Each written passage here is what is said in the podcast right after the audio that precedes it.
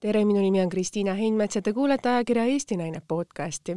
tänane saade läheb meil eetrisse küll kahekümne viiendal detsembril, mis on siis esimene jõulupüha ja Jeesuse sündimise päev, aga meie saade tuli salvestada mõned päevad ette, sellepärast et minu idee selle saate ettevalmistuses oli see, et piiluda ühe Eesti naise, kuidas öelda siis, ametialastesse tegevustesse, kelle jaoks on jõulud ja need pühad, kui meie istume oma perega koos, katame laua, poeme kaisu ja naudime seda mõnusat glögi ja oma laste kilkeid, siis tema jaoks on see kõige töisem periood.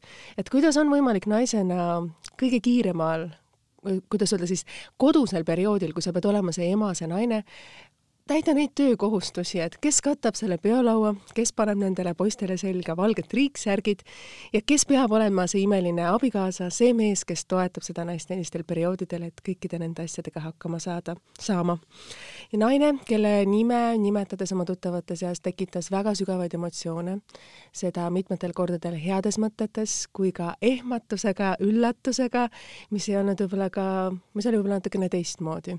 naine, kes julgeb välja öelda oma mõtteid, mõtted, kes julgeb välja oma ideed, see on tema arvamus, need on tema mõtted ja isegi kui ta nihutab neid piire, mis meil on Eesti ühiskonnas, nihutab neid norme, millega me oleme tavaliselt, tavapäraselt harjunud, on ta seisnud nende sõnade eest ja võib-olla nii mõnelgi korral on teinud ka torkavalt haiget mõnele inimesele, kes on võib-olla teistsuguste arvamuse poolt. tere tulemast, Eesti üks väheseid naisvaimulikke ning hingehoidjaid Annika Lats! tere ja ilusat jõuluaega kõigile teile! et teie jaoks oli kindlasti, on kakskümmend neli detsembri õhtu kõige kiirem aeg, ka öö kuulub sinna juurde kindlasti, need öised õhtused missad. Ja kahekümne viienda hommik on ju kõige pühamad kirikupühad. Nii ta on jah, minu käest on sageli küsitud, et oo, mismoodi on olla naiskirikuõpetaja ja kuidas sellises ametis. see on selline tavapärane küsimus, aga ega mu vastus on alati see olnud, et see on ei ole väga soopõhine amet, meil on lihtsalt selline standard ettekujutus, et kirikuõpetaja on mees. minu jaoks ongi kõige keerulisem aeg jõulud, nii et Kristiina, sinu küsimus on naelapea pihta, see on see aeg, kui ma tunnen ennast nagu akrobaat ja, ja, ja, ja nagu peab olema aja planeerimise täiesti meister, et need pühad ka pere jaoks olemas oleks ja see ei ole alati hästi välja tulnud. ta on hästi keeruline aeg, eriti siis, kui lapsed väikesed on kindlasti sellel perioodil on sul kõige tähtsam olnud tugi, kas abikaasa näol või inimeste ümber, lähedaste ümber, kes on su ümber, sest ikkagi need toimetused, mida me naistena, emadena kodus peame tegema, keegi ei tee neid meie eest ära, et peavad olema inimesed, kes seda aitavad ja toetavad meie unistusi, meie unistuste ametites, et me saame seda teha, võib-olla sellel perioodil ka oodatakse, et me oleksime need naised ja need emad oma abikaasade ja oma laste jaoks, et kus on nagu see sinu tugi olnud või mis on see, see need hetked olnud, mis on sulle andnud seda tuge, et äh, ma küll tahaks olla seal kodus, aga see on minu töö, see on minu amet, et kus on sinu tugi? eks jõulude ajal on pere muidugi kaasas. pere on kirikus kaasas ja kõiges selles niimoodi haaratud sellesse hoogsalt. et kui muul ajal on sageli nii, et mina olen pühapäeval ära kirikus, sageli ka laupäeval näiteks matustel mm, -hmm. siis jõulud on muidugi see, kui me kogu logistika ja kõik peab nagu koos toimima ja eks need on äh, ka kiriku juures üsna peavad olema igal hetkel valmis aitama, mida vaja teha ja jookse nüüd ja too, oi, ma unustasin selle maha või teise maha. aga kui toast rääkida, no meil on peres niimoodi, see on küll nagu selline vana traditsiooniline viis, et köögis mu abikaasa eriti peale tee keetmise midagi ei tee kes siis katab selle peolaua, kes valmistab selle ahjuprae, teeb need ja. hapukapsad ja verivorstid? selles osas toimus väga suur muutus, kui minust sai kirikuõpetaja.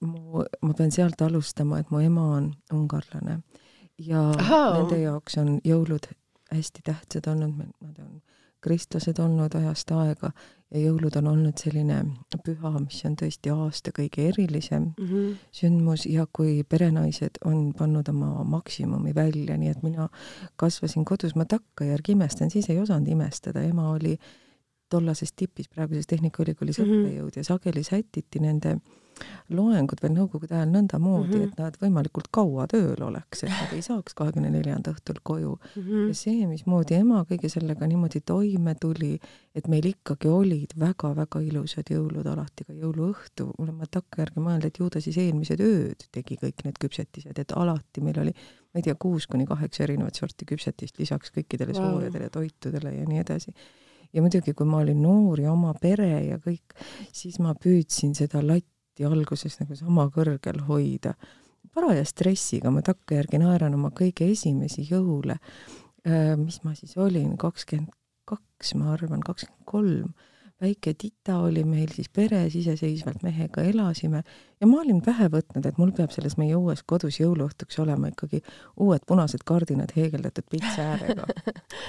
no tõesti, täitsa tola takkajärgi mõtled ja ma umbes nii nagu vaata see muinasjutt, kus on see Eliise oma vendadele, vangis olevatele vendadele või luigeks ja. muutunud vendadele -hmm. neid nõgestest särke kogub, umbes niimoodi vehkisin mina neid valgeid pitse heegeldada. ilmselgelt beebi kõrvalt see nii on. beebi kõrvalt ja süüa tehes ja mida kõike, eks ole. ja olin stressis ja täitsa tobe takkajärgi ja nüüd ma olen ikkagi nendest asjadest palju õppinud, et mis siis, mis siis on see, mis tegelikult oluline on. ja ma mäletan ka oma esimesi aastaid kirikuõpetajana tollal Tartus. ma olin lahutatud, ma olin kahe tüdrukuga üksi. Nad olid sellised, üks lasteaias, teine algklassides. ka väga raske aeg, väga raske ja, periood. jah, ja siis oled sa kirikuõpetaja ja siis mm -hmm. oli küll mhm. niimoodi, et äh, sealne koguduse peaõpetaja Joel Luhamets oli jõulude ajal ära Kanadas, läks ära vist kaheksaks-üheksaks kuuks ja mm -hmm. mina siis esimene mm -hmm. aasta kirikuõpetajana Tartu Pauluse suures koguduses. päris üksi. tore on. ja siis oli nõnda, et mu ema Tallinnast saatis kargobussiga toidud. oi jumal küll siis ma, ja see oli tema idee ja see on nii tema moodi ka ja siis ma käisin neid toomas, muidugi me tegime ise ka seal tüdrukutega, eks ju, aga ma mäletan, et lihad ja asjad, need ja, ja, ja ema väga võrratu Ungari kapsas ja need tulid kargobussiga Tartu bussijaama millised imelised mälestused, et sa julged jagada neid naisena, neid inimlikke hetki, kui me oleme võib-olla kokku jooksnud ja leiduvad inimesed meie ümber, kes meid aitavad ja tegelikult see on see, mida me mäletame ka, mida aeg edasi, seda rohkem, seda armsamad need hetked tunduvad, kui meil on midagi läinud halvasti, aga me oleme osanud kuidagi sättida oma elu nii, et me ikkagi tuleme sealt välja, me saame ikkagi kõigega hakkama, et see annab nagu sellist energiat ja edasiviivat jõudu, et kui sa nüüd ise tagasi vaatad nendele aegadele et.... no need teevad hellaks südame, see, kui sa tajud seda hoolt ja armastust niimoodi sadade kilomeetrite takka ja, ja saad ka maitsta seda hoolt, eks ole. ja, aga ei, muidugi jah, ta on niimoodi, et sa pead nagu õppima ära ennast tundma, oma piire tundma ja tohutu aja planeerimine, sest ütleme, viimased kümmekond aastat on ikkagi nõnda olnud või viimased viisteist, kui ma olen olnud Risti kirikuõpetaja mm, -hmm. et tuleb tõele au anda, ma tänagi guugeldasin, vaatasin Oskari lihatööstust, sest me, ma olen võtnud eelküpsetatud lihad, no tuleb arvestada seda, et meie kodu on kogudusest või kirikust äh, kaugel? jah, viiskümmend viis kilomeetrit sõita. mina olen autoroolis, eks mhm. ole, meie peres on nõndamoodi ja, ja see on nagu minuti pealt välja rehkendatud sel hetkel, kui me kodus oleme, kartulid on hommikul ära keedetud või ei, ära kooritud, lihalev, ahju, hapukapsas tuleb keldrist üles tuua, mis on eelmisel päeval valmis tehtud, ühesõnaga nagu sisse töötatud, see laud on juba selleks ajaks meil hommikul kaetud, noh, nii et kõik, kõik peab, kõik peab toimima, et see on niimoodi välja rehkendatud, mis päeval ma mida juba ette küpsetan sellest ma olen loobunud, et hommikul näiteks noh, saia,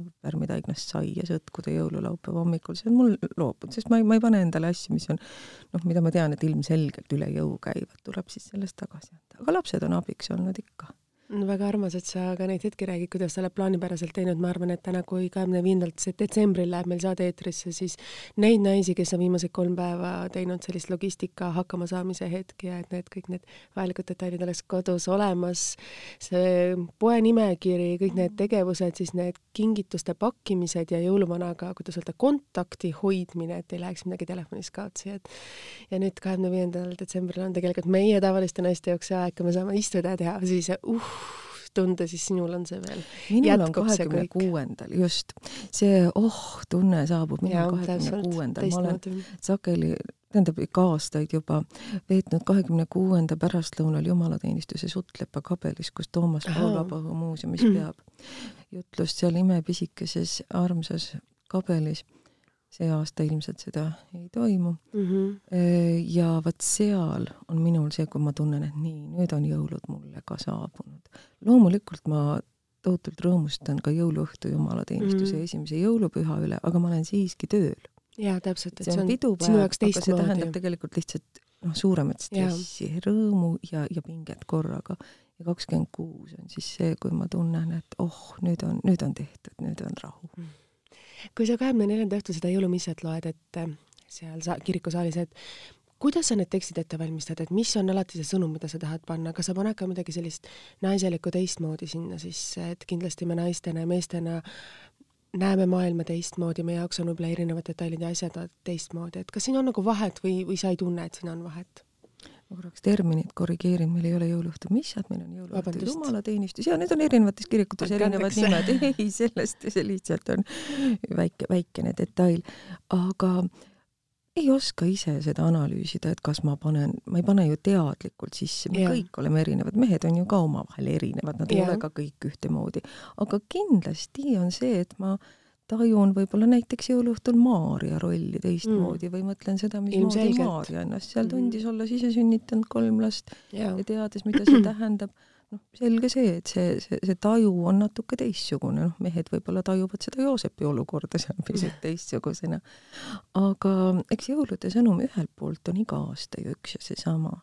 Jumal on saanud inimeseks, tulnud meie juurde, ei ole meile selga keeranud, mis iganes me oma elus oleme mm -hmm. käpuli olnud või, või untsu asju keeranud või kui pragulised, kui katkised me ka ei oleks Äh, kui rõõmsad, kui õnnetud Jumal on inimeseks saanud, sest ta hoolib inimlapsest ja tulnud, et tooma meile muutust meie ellu, et meid muuta, et uueks luua, et uut lootust anda, see on nagu iga aasta seesama mm. -hmm. aga see olukord on ju alati erinev, milles meie oleme. sellist nagu tänavused jõulud ei ole kunagi olnud. ma mäletan kaks tuhat kuusteist, seitseteist, kui oli see, kaks tuhat kuusteist oli see suur pagulaskriisi aeg, siis nagu mm -hmm. pani hästi mõtlema see, et Maarja ja Joosep olid ju ka pagulased, pagulased, kellel ei olnud kodu.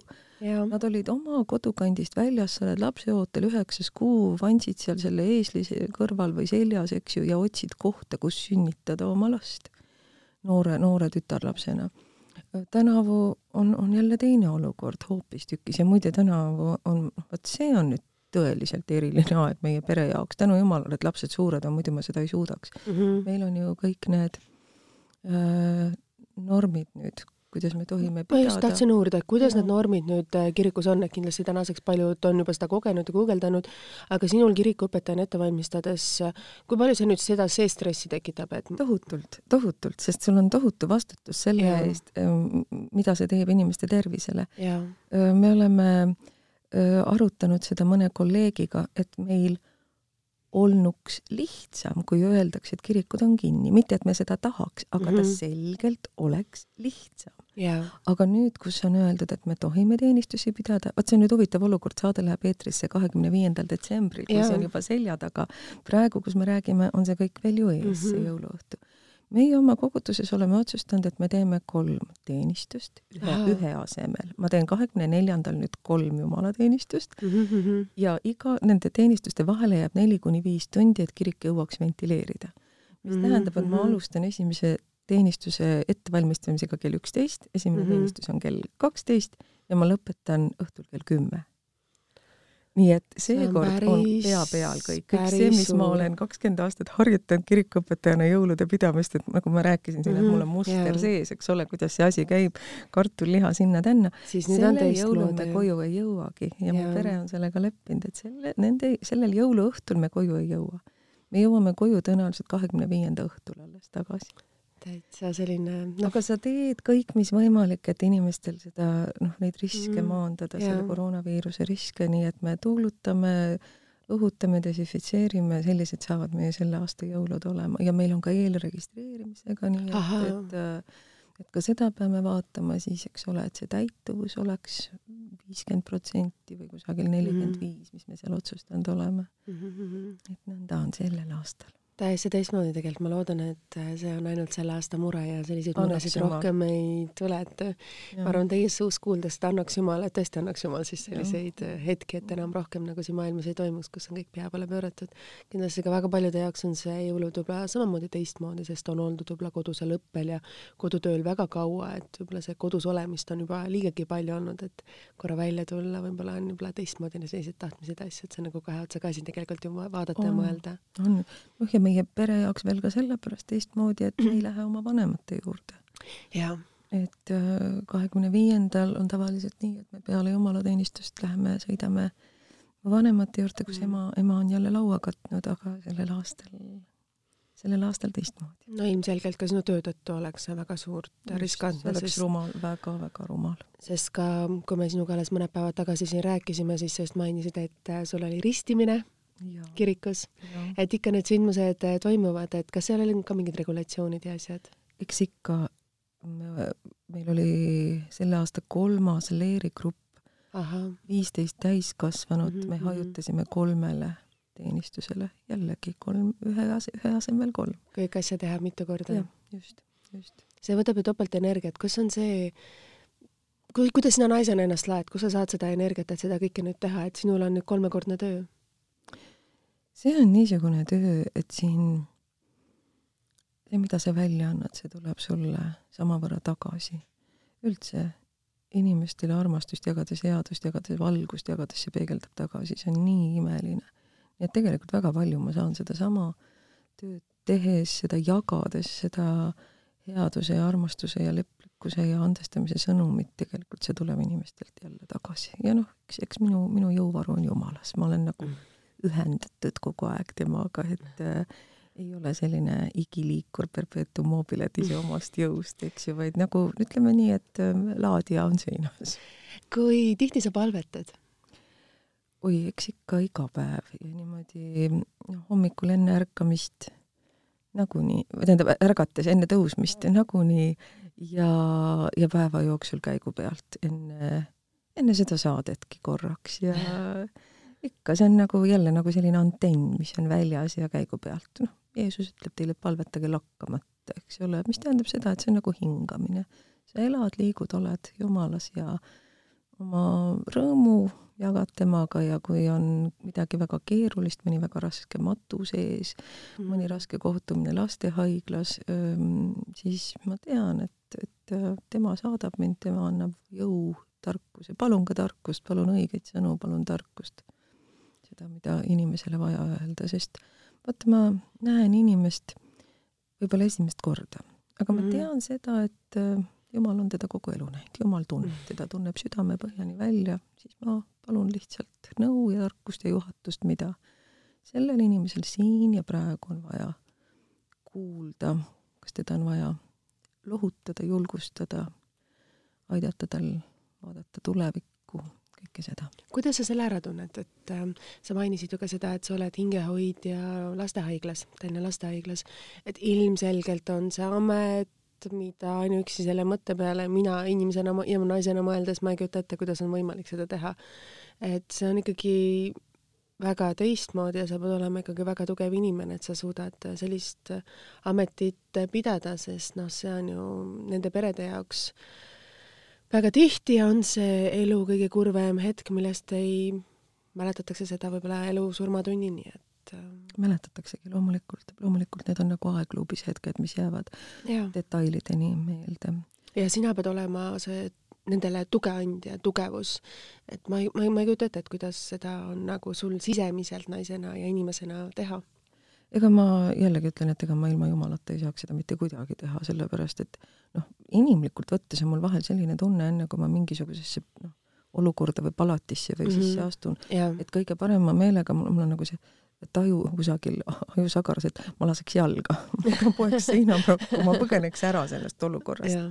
no ilmselgelt, et ja, et ja. see kurbus ja see lein ju. just, just, ja see, et sa ei saa seal tegelikult mitte midagi mõistlikku öelda, sul ei ole mitte mingisugust yeah agendat või programmi ees, mida sa siis ütled, eks ju, sa ei tea tegelikult, sa lähed jõuetuna alasti mõnes mõttes, eks ju, sellesse valusse sisse.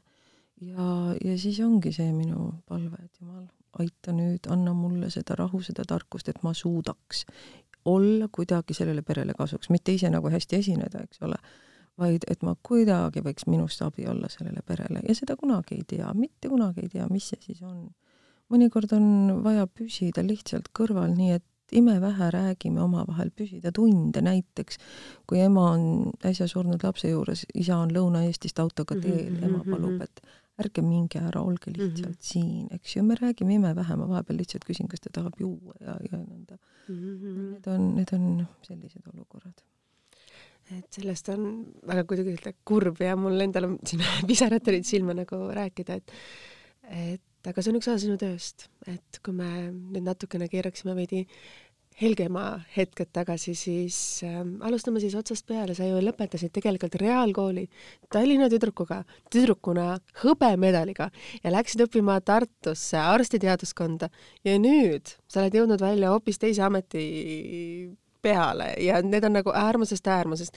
keemia, reaalained on numbrid, arvutamine, täppisteadus ja see, mida sina pead tegema, on täna jagama oma hinge, seda headust, mis on hoopis teises valdkonnas, et kuidas on võimalik teha elus selline saja kaheksakümne kraadine pööre, mis on olnud võib-olla see sind sütitav hetk nendes, kus sind see sütitav hetk, kui sa nüüd tagasi vaatad?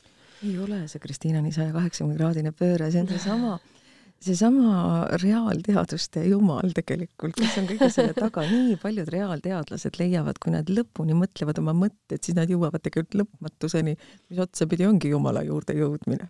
et reaalteaduste kaudu tegelikult ei ole nii keeruline jõuda mõisteni Jumal või selle, selle, selle kontseptsioonini selle lõpmatuse märgi, selle ma unustasin ära, aga lihtsalt Jaa. minu jaoks on see arvutamine ja see ikka realistlik arusaamine, et üks pluss üks on üks, et seal ei ole mingisugust ilustamist ja samas mm. Noh, Jumal on see, mida sa pead ikkagi edasi andma ju oma hingest, et ja, on natuke ikkagi teistmoodi. seda muidugi, aga jah, ma näen nagu kusagilt meie praeguses ajas ka niisuguse probleemina seda, et äh, teadust ja usku vastandatakse, noh, teadlasi ei usuta ja siis usutakse mida iganes, ühesõnaga see on täiesti omaette teema, et ma olen palju mõelnud viimasel ajal selle üle mm, -hmm. et, äh, et minu jaoks ei ole neis mitte mingit vastuolu et äh, laps on praegu keemiaolümpiaadil mul hetkel, eks ole, sealsamas reaalkoolis, et, et see, see, see keemia, see olemine, see kõik on ju sellesama looja, noh, maailm. Aga noh, jah, kui võtta seda minu elukutset või seda teekonda, siis vahva on tagantjärgi mõelda, ma olen takkajärgi imestanud seda palju, ma olin viisteist, kui ma kooli kõrvalt suvevaheajal läksin sünnitusmajja tööle. Sakala tänaval oli sünnitusmaja mm -hmm. ja töötasin seal ja pärast Reali kõrvalt öösiti käisin ka tööl poole kohaga, siis mõtled, et armas aeg, kust on inimesel energiat, et no seitseteist, kaheksateist on ikka lahe vanus, kus sa suudad imelisi asju, mida takkajärgi mõtled, et mismoodi see käis. nelikümmend kaheksa tundi üleval olla, et õppida keemia, kuidas öelda, lõpueksamiks näiteks, ma oma kogemusest mäletan. eks ole, just ja.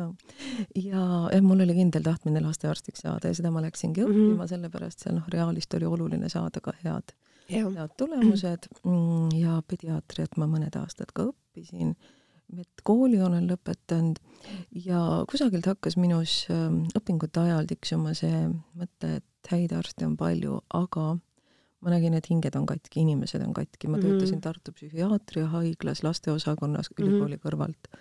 vaatasin seal neid äh, õnnetuid lapsi ja teismelisi, kes tulid siis haiglasse, said oma ravid, siis tagasi mm -hmm. koju sellesse keskkonda, millest nad mulle palju jutustasid. sellest mm, -hmm. mis elust, mis olust nad tulevad ja kuhu nad siis haiglast lähevad, eks mm. -hmm. ja siis läks mhm. kuu-paar mööda ja nad olid jälle tagasi ravil, eks ju, sellest hullumajast, mis kodus oli. vast äh, see on nagu üks neid asju paljude muude hulgas, mis pani mind mm. otsima, mis, mis tegelikult muutis sind. jah, ja mis inimestes on katki ja kuidas seda, mis on see tõeline nagu tee.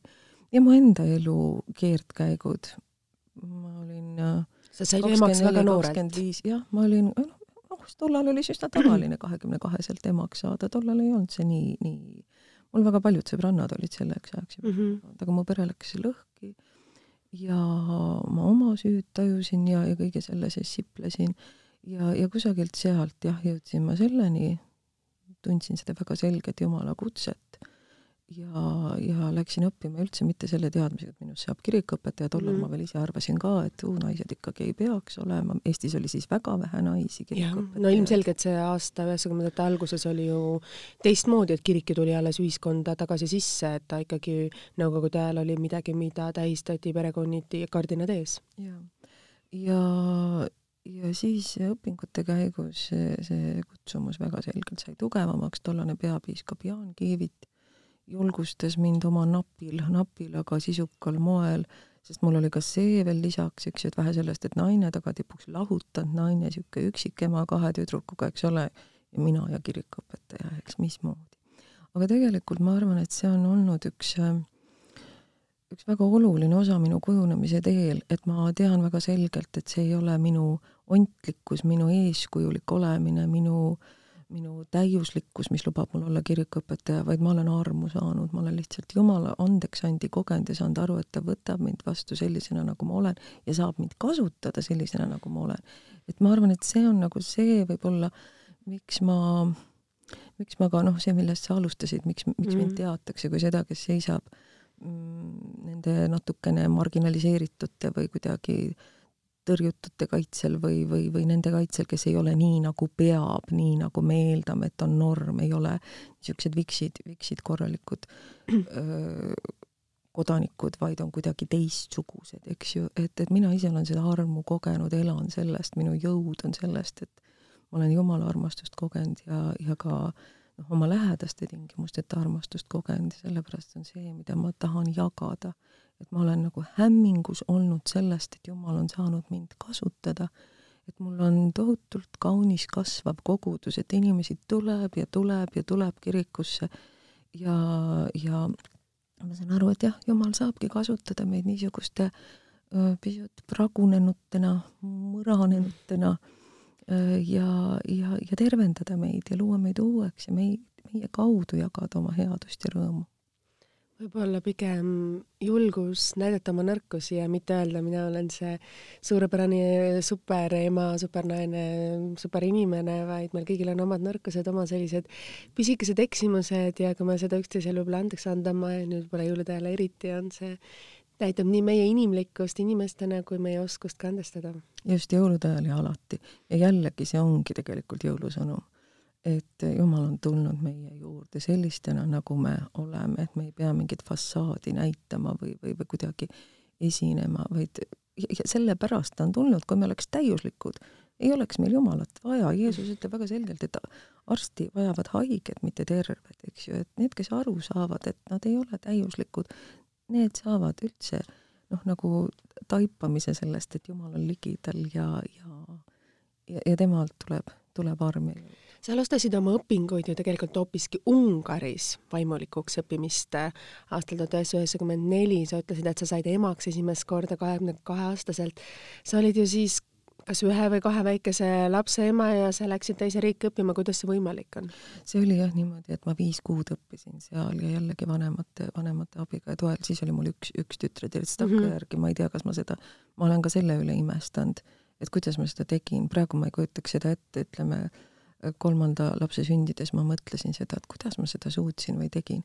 aga eks mul olid õpingud katki jäänud, mul olid nagu igasugused plaanid ja asjad katki jäänud ja mõtlesin tollal nõnda. sa pead leidma oma tee, sa pead ja. leidma oma tee naisena. nii et ma tegin ka nagu siukse väga intensiivse lühikese nagu aasta õppisin seda, mida teised mm -hmm. õppisid pikemalt, lihtsalt meeletult õppisin seal see viis kuud mm. -hmm. ja see oli jah, tegelikult esimene kokkupuude teoloogiaga, ma õppisin siis õigupoolest diakooniat, mis on hoolekande ja halastustöö mm. -hmm aga seal oli ka väga hea teoloogiline baas ja tegelikult need viis kuud andsid mulle üldse nagu selle idee, ka seal kogetud äh, kirikueluga seal nähtud naiskirikuõpetajad tegelikult olid need, kes olid mul nagu inspiratsiooniks ja ma mõtlesin, vau, et, et päriselt nad on nii head, noh, seal ma mäletan mõnda senimaani veel, jah et need, nagu sa just mainisid, ekstreemsed ostused, mille üle me hiljem oma elule tagasi vaadates mõtleme, et kuidas ma suutsin seda, on just tegelikult see, mis juhatab võib-olla meid nende usteni ja nende asjadeni, nagu sindki seal, et sa leidsid selle hoopis teise valdkonna. jah, ma, ma mõtlen seda ma takkajärgi nagu ei saa sellest aru, kuidas ma läksin kaheaastase lapse juurest ära viieks kuuks, ma ei suuda seda mõista. ma ei saa öelda, et ma ei, noh, ei anna seda endale andeks, see oleks nagu liialdus, aga ega ma ei saa küll aru, mis mul tollal, kuidas ma seda kahekümne nelja aastasena niimoodi tegin. praegu kindlalt ei suudaks, aga, aga noh, see on see minu arusaamine asjadest takkajärgi, et et Jumal suudab teha midagi head ka nendest asjadest, kus me oleme äh, käitunud võib-olla valesti või rumalalt või mõtlematult ja, ja õnnistus võib välja kasvada veidratest olukordadest ja asjadest. kõik tuleb kasuks neile, kes Jumalat armastavad, on öeldud piiblis. kahe tuhande teisel aastal sind püüdseti siis kirikuõpetajaks juba Eestis. just kui me mõtleme, et kaheksateist aastat oled sa siis pidanud seda ametit ja kui me mõtleme tagasi nendele erinevatele ajastutele, siis Eesti ühiskond on väga palju muutunud. kiriku roll on minu arvates, minu enda nägemuse kohaselt pigem suurenenud, sellest räägitakse rohkem, inimesed võtavad sõna, kes on selle valdkonnaga ka seotud, väga erinevates teemades, nad on oodatud samamoodi telesaadetesse, intervjuudesse, mida veel võib-olla paarkümmend aastat tagasi veel nii ei toimunud, et see ei olnud nagu arvamus, millega arvestada. et et äh, kuidas sa ise vaatad tagasi sinna kaheksateist aastat, kui sa oled nüüd olnud kirikuõpetaja, mis on olnud võib-olla need hetked, mida sa mäletad, mis on nagu muutnud meie ühiskonda just kiriku aspektist? ma võtan siin viimase aja arengutest. mu meelest on see hästi ilus ja hea, et, äh, et haiglates on hingehoiu võimalus olemas. Äh, seda noh, vahel ka on nagu, noh, peetakse seda veidraks või ebavajalikuks, aga inimese hing on haige kui ta on kas oma lapsega haiglas või ise oma, keset oma elu saanud mingi ränga diagnoosi ja võib-olla tal lapsed on hoopistükkis kodus ja tema on seal onkoloogias ravil, eks ole mm. -hmm. ja et arstid on super tublid, aga nad peavad ka saama teha oma tööd ja samal ajal peab inimene saama kellegagi rääkida mm -hmm., kas või oma viha välja elada, oma mõistmatust, oma küsimusi, oma ängistust. et see on see terviklik inimese pilt, mis on noh, see inimese käsitlus, mida, mille poole me haiglates liigume. et, et inimese vaim oleks ka hoitud sealjuures, et inimese sotsiaalsed vajadused oleks täidetud, et ta ei peaks nagu muretsema mingite noh, mingite koduste asjade pärast, ta saaks mm -hmm. vähemalt arutada neid kellegagi.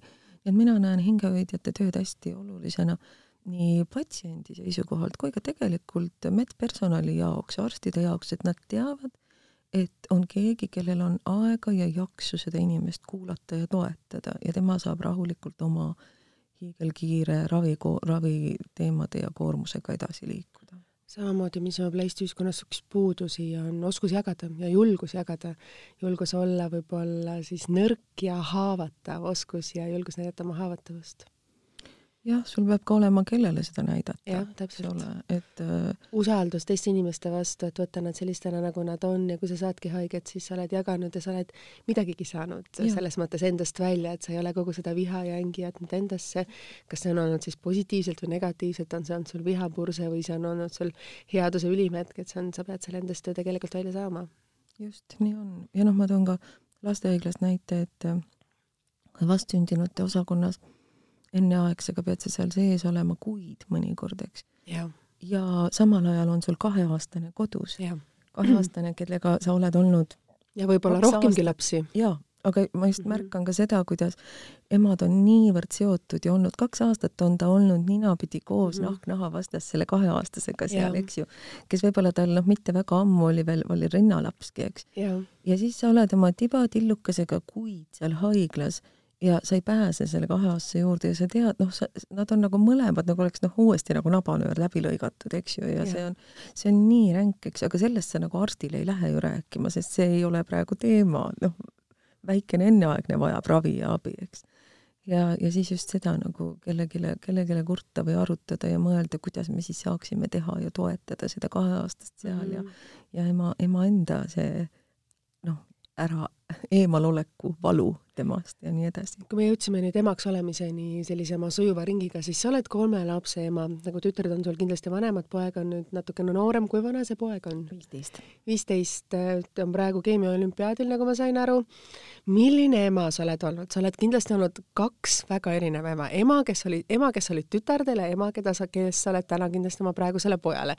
et sinus on kindlasti, ma ise nagu tunnen ja arvan, et sus on olnud sellist kaks poolt, sest kindlasti see vahe tütarde ja poja vahel on olnud selline suurem, siis me ka naistena küpseme ja me oleme noortena, me võtame emaks olemist hoopis teistmoodi, kui me saame kuidas öelda, veidi vanuse lisandudes, hirmudes suurenedes oleme kindlasti emad oma vanem, kuidas öelda siis, pesamunadele teistmoodi.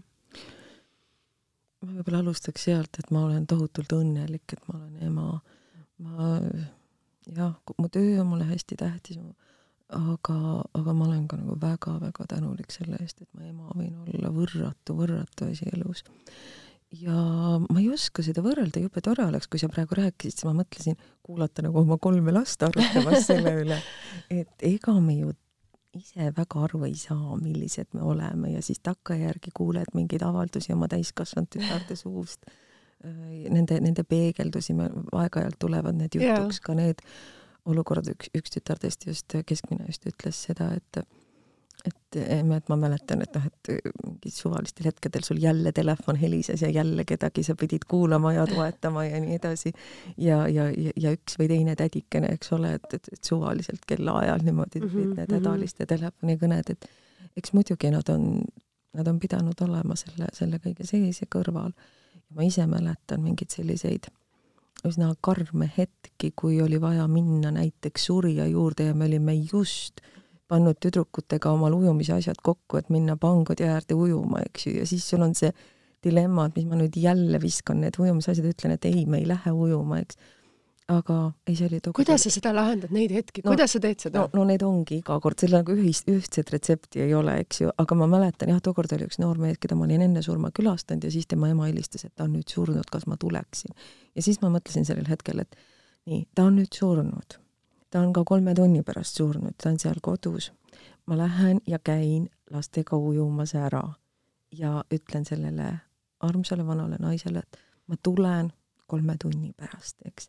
nii et noh, mõned sellised on endal nagu tohutult meeles, kus sa tead, et sa peaks minema, aga sa ei saa kogu aeg teha seda oma naise, ema ja töö ja no, kuidas sa on. seda ühildad, et sinul on ju täpselt, et sul ei ole ju kindlat tööaega, sul tuleb telefonikõne ja siis on sinu otsus, et kas sa reageerid kohe ohverdades siis tegelikult oma pere ja oma laste arvelt seda või sa ütled, et äh, võtad ise otsuse ja teed seda teistmoodi? nii, nii on, nii ongi jah.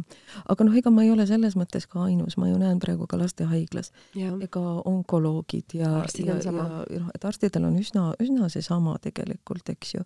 pikad valved, sa... pikad tööpäevad ja need patsiendid, kes sulle ikkagi jäävad oma väga eriliste haigustega hinge ja kui on need erilised kriitilised hetked, kus sa tead, et sul ei ole enam aega, siis sa ikkagi lähed välja, et mul on endal palju, mitte palju, aga mõned tuttavad äh, lastearstid, siis mm -hmm. nendelt kuulates mm -hmm. nagu seda siis empaatiavõime ja oskus, siis ma ei kujuta ette, kuidas on, kuidas peab olema selline inimene sündinud, et sa suudad nagu kõike seda empaatiat nagu endas hoida ja seda edasi anda jah, ja, ja kahtlemata on see, muidugi see mõjutab kogu peret, eks ju, abikaasa mul noh, hästi saab aru sellest, ta on ise kristlane, ta on teoloog, ta mm, -hmm. ta vägagi saab aru, mida ma teen ja miks see on ääretult oluline.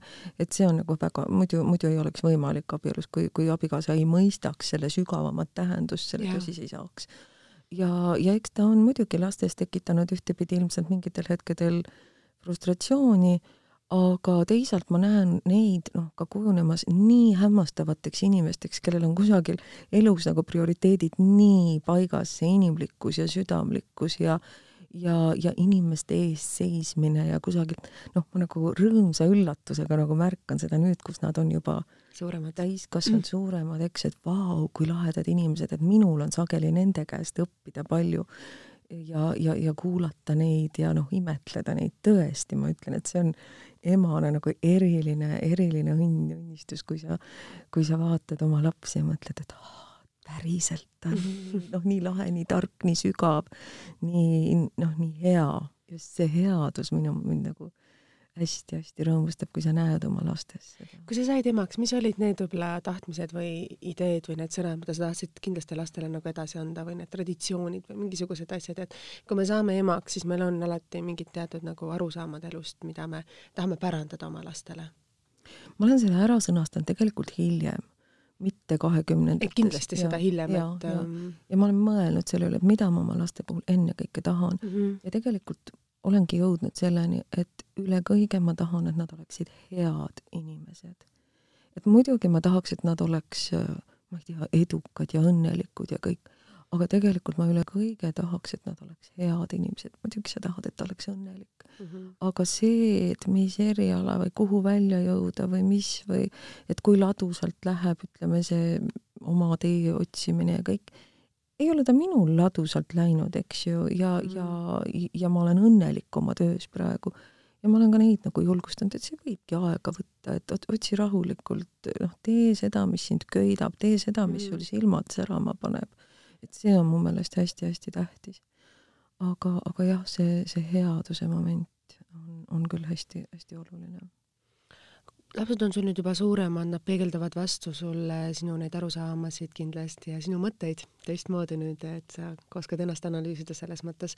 aga kui sa mõtled, kui, kui palju sa oled nagu kirikut äh, nende laste ellu soovinud, et see kirik oleks selles, nendes laste elus, et see on ka sinu jaoks kindlasti kirikuõpetajana, et see on su töö aga laps peaks tegema selle valiku ise või see on sinu jaoks oluline, et laps tahab olla selle kiriku liige. kas mõni laps on avaldanud soovi näiteks sinu ameti jätkajaks olla, sest tihtipeale on see traditsioonides kinni, et kui keegi on peres kirikuõpetaja, kas vanaisa või keegi, siis mingil hetkel see kuidagi pärandub iseenesest meie lastesse või lastelastesse. ma olen väga seda meelt olnud, et, et nad oleksid iseseisvad oma otsustes. jaa üleüldse, kui siin oli juttu sellest, et, et mida ma olen püüdnud, ma olen väga -hmm. selgelt algusest saadik mõelnud seda, püüdnud endale meelde tuletada, et kui väga ma nende ligi ei tahaks olla ja, ja, ja, ja noh, neid, neid mõjutada, kasvatada, et nad mm -hmm. ei ole minu omad. vaid nad on, minu jaoks on see niimoodi, nad on Jumala omad, nad on isiksused, kes on antud, kingitud minu hoolde, ütleme niimoodi, eks ju, või meie, meie hoolde nii et ma arvan, et ma olen neid lasknud üsna iseseisvaks kasvada mm. -hmm. loomulikult on nad lapsena käinud palju mm -hmm. kirikus kaasas ja, ja nad on kõik kolm nüüdseks ka leeris käinud, loomulikult ristisime, lasime me nad ristida kohe titena, see ei tuleks ja. minu jaoks teistmoodi kõne allagi. ma ei kujuta nagu üldse ette, et mm. mismoodi ma jätaksin neid õnnistusest ilma, inimesed ajavad sageli sassi seda, ütlevad, et laps peab saama ise, ise otsustada tähendab, see on samamoodi nagu toiduga, sa ei lase ise otsustada tal titena või, või kahe-kolmeaastasena, mida ta noh, sööb või ei söö või mida ta telekast vaatab või mida ta arvutist vaatab, eks. me oleme tahtnud, et nad kasvaks Jumala kaitseõnnistuse all, täiesti klaar, väiksest saadik, sünn-, noh, sünnist saadik mm. -hmm. see, mis otsuse ta hiljem teeb mm, -hmm. on see, kas ta ise otsustab elus edasi minna Jumalaga, see teadlik valik, see on see leeris käimise aeg mm. -hmm. ja nüüdseks on nad kõik kolm käinud leeris lihtsalt noh, nagu omast vabast tahtest. ja, ja, ja noh, ma tõesti ei ole selleks neile survet avaldanud, ma olen öelnud, noorem poeg käis see suvi, ma ütlesin talle ka, et kuule, et praegu meil on hästi tore noortepunt, sa võid mõelda, kas sa tahad sellega kaasas, noh, kaasa tulla. Mm. -hmm sest noorteleeri me ei tee sageli, see on see imelik Eesti olukord, kus enamik, kes leeris käivad, on enne pulmi. Ei ole. Näiteks aha. ma mõtlen eile õhtut, eilne õhtune enamik olid kuuskümmend pluss. ahaa, milline üllatus tegelikult. ennepulmi inimesed kesk, keskeas sageli hakkavad mõtlema elu nagu ütleme, eksistentsiaalsete küsimuste üle mm.. meie, see on nii huvitav kuulata, kuidas öeldakse, et nüüd ka murelikult, et jõulude ajal vanad inimesed käivad kirikus. vanad ei käi praegu kirikus, meil käivad kirikus ikkagi vanus kakskümmend kuni kuuskümmend, see vahe käib kirikus. nii et noh, tegelikult eakad ikkagi püsivad kodus ei no kindlasti ja. see praegu hirm on ju väga ja, suur. jaa, aga lihtsalt, et tegelikult kirik, meie koguduses küll vähemalt on ikkagi noorem rahvas, aga jutuga jäime me pidama kusagile mujale, aa, laste kasvatamise suunamine ja see mm, mul on et hästi oluline. kui oluline on kiriku ja, roll olnud sinu jaoks? minu jaoks on hästi-hästi-hästi et... suur lootus olnud see, et nad õpivad, mitte kirik niivõrd kui institutsioon, vaid see, et nad õpivad oma elu rajama Jumala peale, et neil on olemas see hingepide, hingetugi see, mis, mille, mis annab julguse meil, noh, mis annab julguse öelda, et mis iganes ka ei juhtuks, ma olen hoitud Jumala peopesa sees. et viimselt on tema see, kes, kes, kes, kes kannab, kes hoiab, vot seda olen ma väga lootnud nende puhul. ja noh, eks see on see, mille kohta sa ei saa öelda, et noh, et see on nüüd korras, eks ju. see on kogu elu, see on see usaldus tegelikult Jumala vastu, mis kogu elu on su proovikivi, et kas sa, kas sa heitud, kas sa äh, nagu loobud temast või sa jääd tema peale seisma, just nagu see, see elu noh, see vundament, ütleme, eks ole, ja see sisemine selgroog, et tema, et see oleks Jumalas, see on mulle küll oluline olnud, aga see on ju absoluutselt mhm. ilmselgelt inimese omaenda pidev otsus, mitte, mitte ainult ühekordne otsus, vaid igapäevane läbi kogu elu käiv, käiv otsus, eks ju, et kellele ma toetun, mis on mul elus kõige olulisem, mis on see, mis mind kannab kui me räägime see, mis meid kannab, siis kaks sõna, mis on sinu ju tööalaselt kõige tähtsamad, on sõna kirik ja sõna piibel. kui sa pead neid, kuidas öelda, lahti mõtestama, kumbagi sõna näiteks ühe, ühe lausega või kahe lausega, mis need oleksid? Või see oli ka keeruline küsimus? ei, ei, ta ei ole keeruline, ma praegu mõtlen nagu, et, et minu jaoks on tegelikult number üks sõna on Jumal ja, ja Jeesus Kristus minu jaoks nagu piibel on järgmine sealt ja, ja, ja kirik, no see, see ei ole mu esimene sõna kindlasti, et minu jaoks nagu keskmes on ikkagi Jumala töö Kristuses, Jeesuses Kristuses, seesama jõulu, jõulu jõulude aegu sündinud ja, ja risti löödud, üles tõusnud issand, eks. Ja, ja kirikut ma vaatan tegelikult väga laialt, üldse mitte nagu ühe institutsioonina, maisinstitutsioonina, sellele ei maksa üldse nii palju tähelepanu pöörata. see on niisugune ta on, ta on, ta on inimlik osa sellest, eks.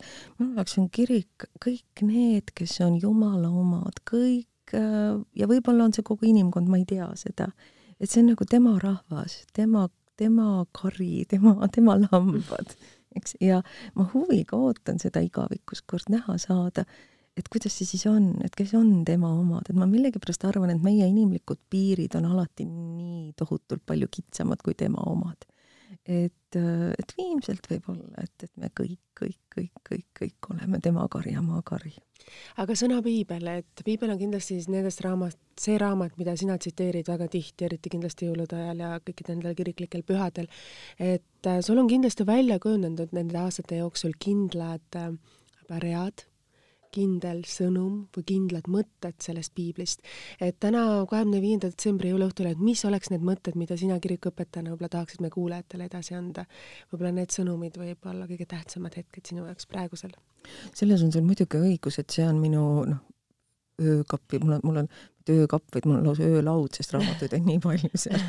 aga loomulikult on see minu üks põhilisi või noh, mida ma iga päev käes hoian ja, loen.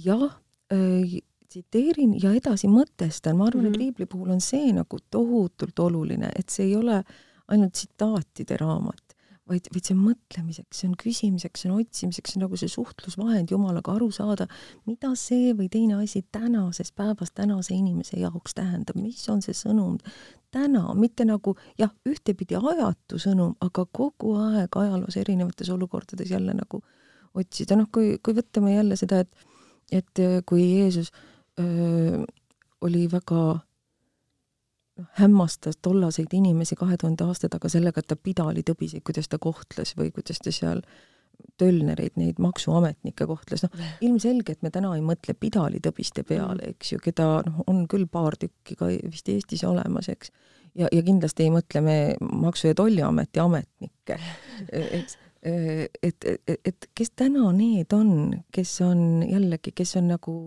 kuidagi nagu kelluke küljes nagu tõrjutud, eks ole, või veidrad või kes on need, kes arvavad, et nendeni Jumal noh, nagu ei jõua või nendeni, nendel ei ole temaga asja või kuidagi. Et, et see on nagu see piibliga töötamine, et, et äh, leida, mida Jumal täna sinuga kõnele tahab, sinuga ja kogudusega ja ja, ja minu endaga tingimata ka, et nõnda käib see, see piibli lugemine ja mõtlemine. aga võib-olla sealt siis näiteks üks mõte või üks lause, mis sa arvad, et on aktuaalne nendel jõulude ajal, see üks, see sõnum Neid on kindlasti väga palju, neid on väga palju, mis on sul peas kummitamas võib-olla väga erinevatel perioodidel. võib-olla kindlasti laused, millest sa ise võib-olla elus rohkem juhindud või soovid edasi anda neid lauseid ja võib-olla seda, neid sõnumeid.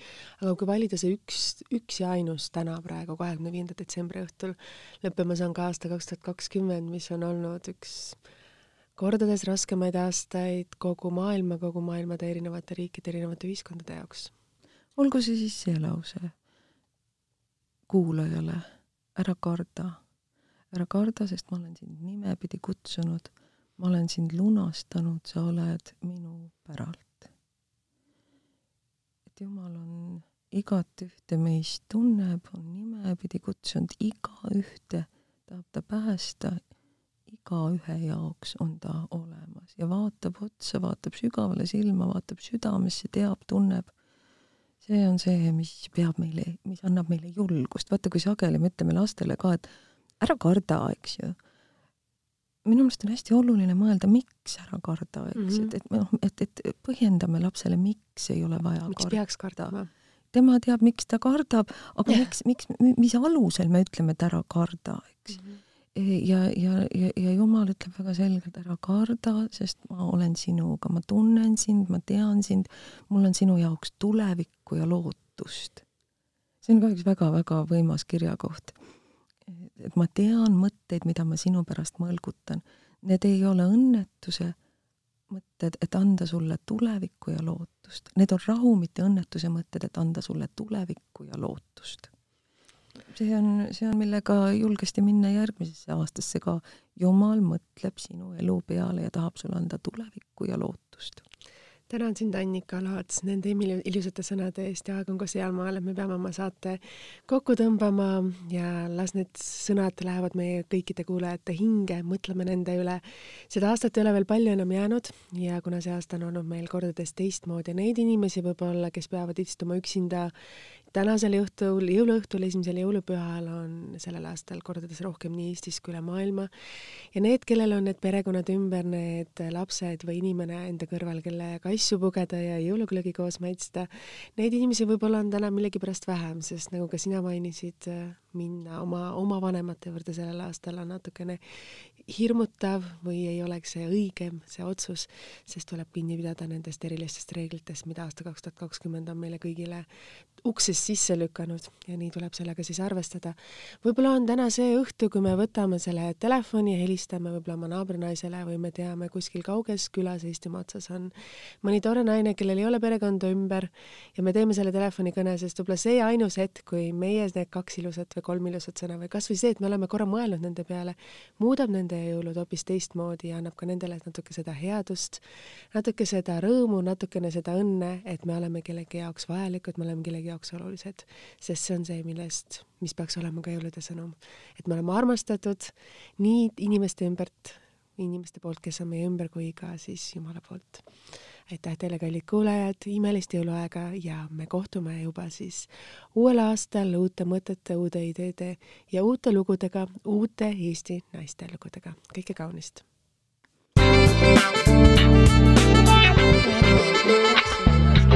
hästi.